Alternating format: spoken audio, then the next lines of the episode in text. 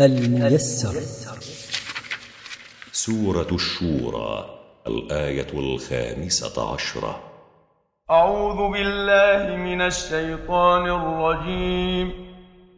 فلذلك فادع واستقم كما أمرت ولا تتبع أهواءهم وقل آمنت بما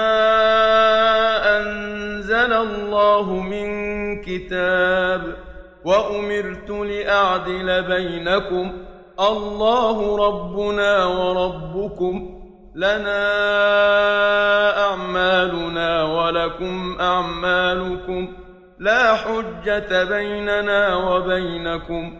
الله يجمع بيننا وإليه المصير.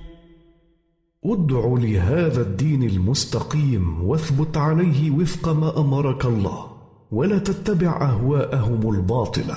وقل عند مجادلتهم آمنت بالله وبالكتب التي أنزلها الله على رسله وأمرني الله أن أحكم بينكم بالعدل. الله الذي أعبده ربنا وربكم جميعا. لنا أعمالنا خيرا كانت أو شرا ولكم أعمالكم خيرا كانت أو شرا. لا جدال بيننا وبينكم بعد أن تبينت الحجة واتضحت المحجة. الله يجمع بيننا جميعا وإليه المصير يوم القيامة. فيجازي كل منا بما يستحقه فيتبين عندئذ الصادق من الكاذب والمحق من المبطل. والذين في الله من بعد ما استجيب له حجتهم داحضة عند ربهم وعليهم غضب وعليهم غضب ولهم عذاب شديد والذين يجادلون بالحجج الباطلة في هذا الدين المنزل على محمد صلى الله عليه وسلم من بعد ما استجاب الناس لدعوته لقوة حجته. ودخلوا فيه. هؤلاء المجادلون حجتهم ذاهبة وساقطة عند ربهم وعند المؤمنين. لا أثر لها وعليهم غضب من الله لكفرهم ورفضهم الحق.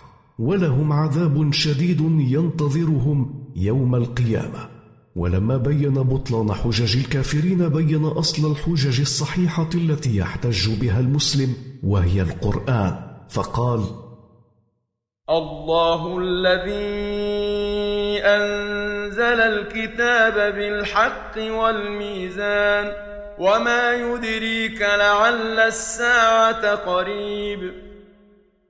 الله الذي أنزل القرآن بالحق الذي لا مرية فيه وأمر فيه بالعدل ليحكم بين الناس به وقد تكون الساعة التي يكذب بها هؤلاء قريبة ومعلوم أن كل آت قريب. يستعجل بها الذين لا يؤمنون بها والذين آمنوا مشفقون منها ويعلمون أنها الحق. ألا إن الذين يمارون في الساعة لفي ضلال بعيد.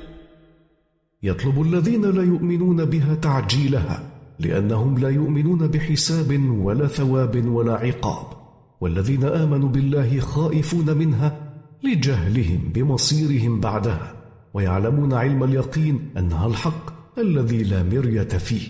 ألا إن الذين يخاصمون في الساعة ويشككون في وقوعها لفي ضلال بعيد عن الحق؟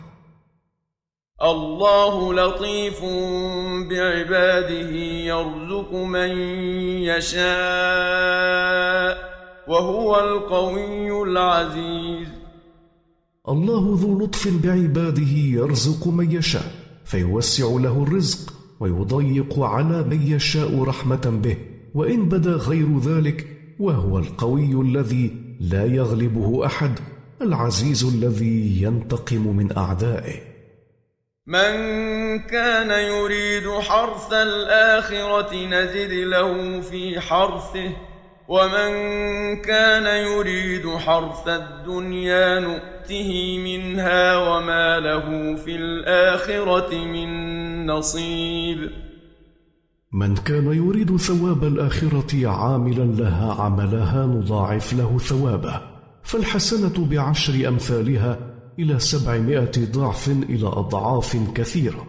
ومن كان يريد الدنيا وحدها أعطيناه نصيبه المقدر له فيها وليس له في الآخرة من حظ لإيثاره الدنيا عليها.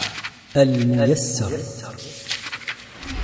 مركز تفسير للدراسات القرآنية.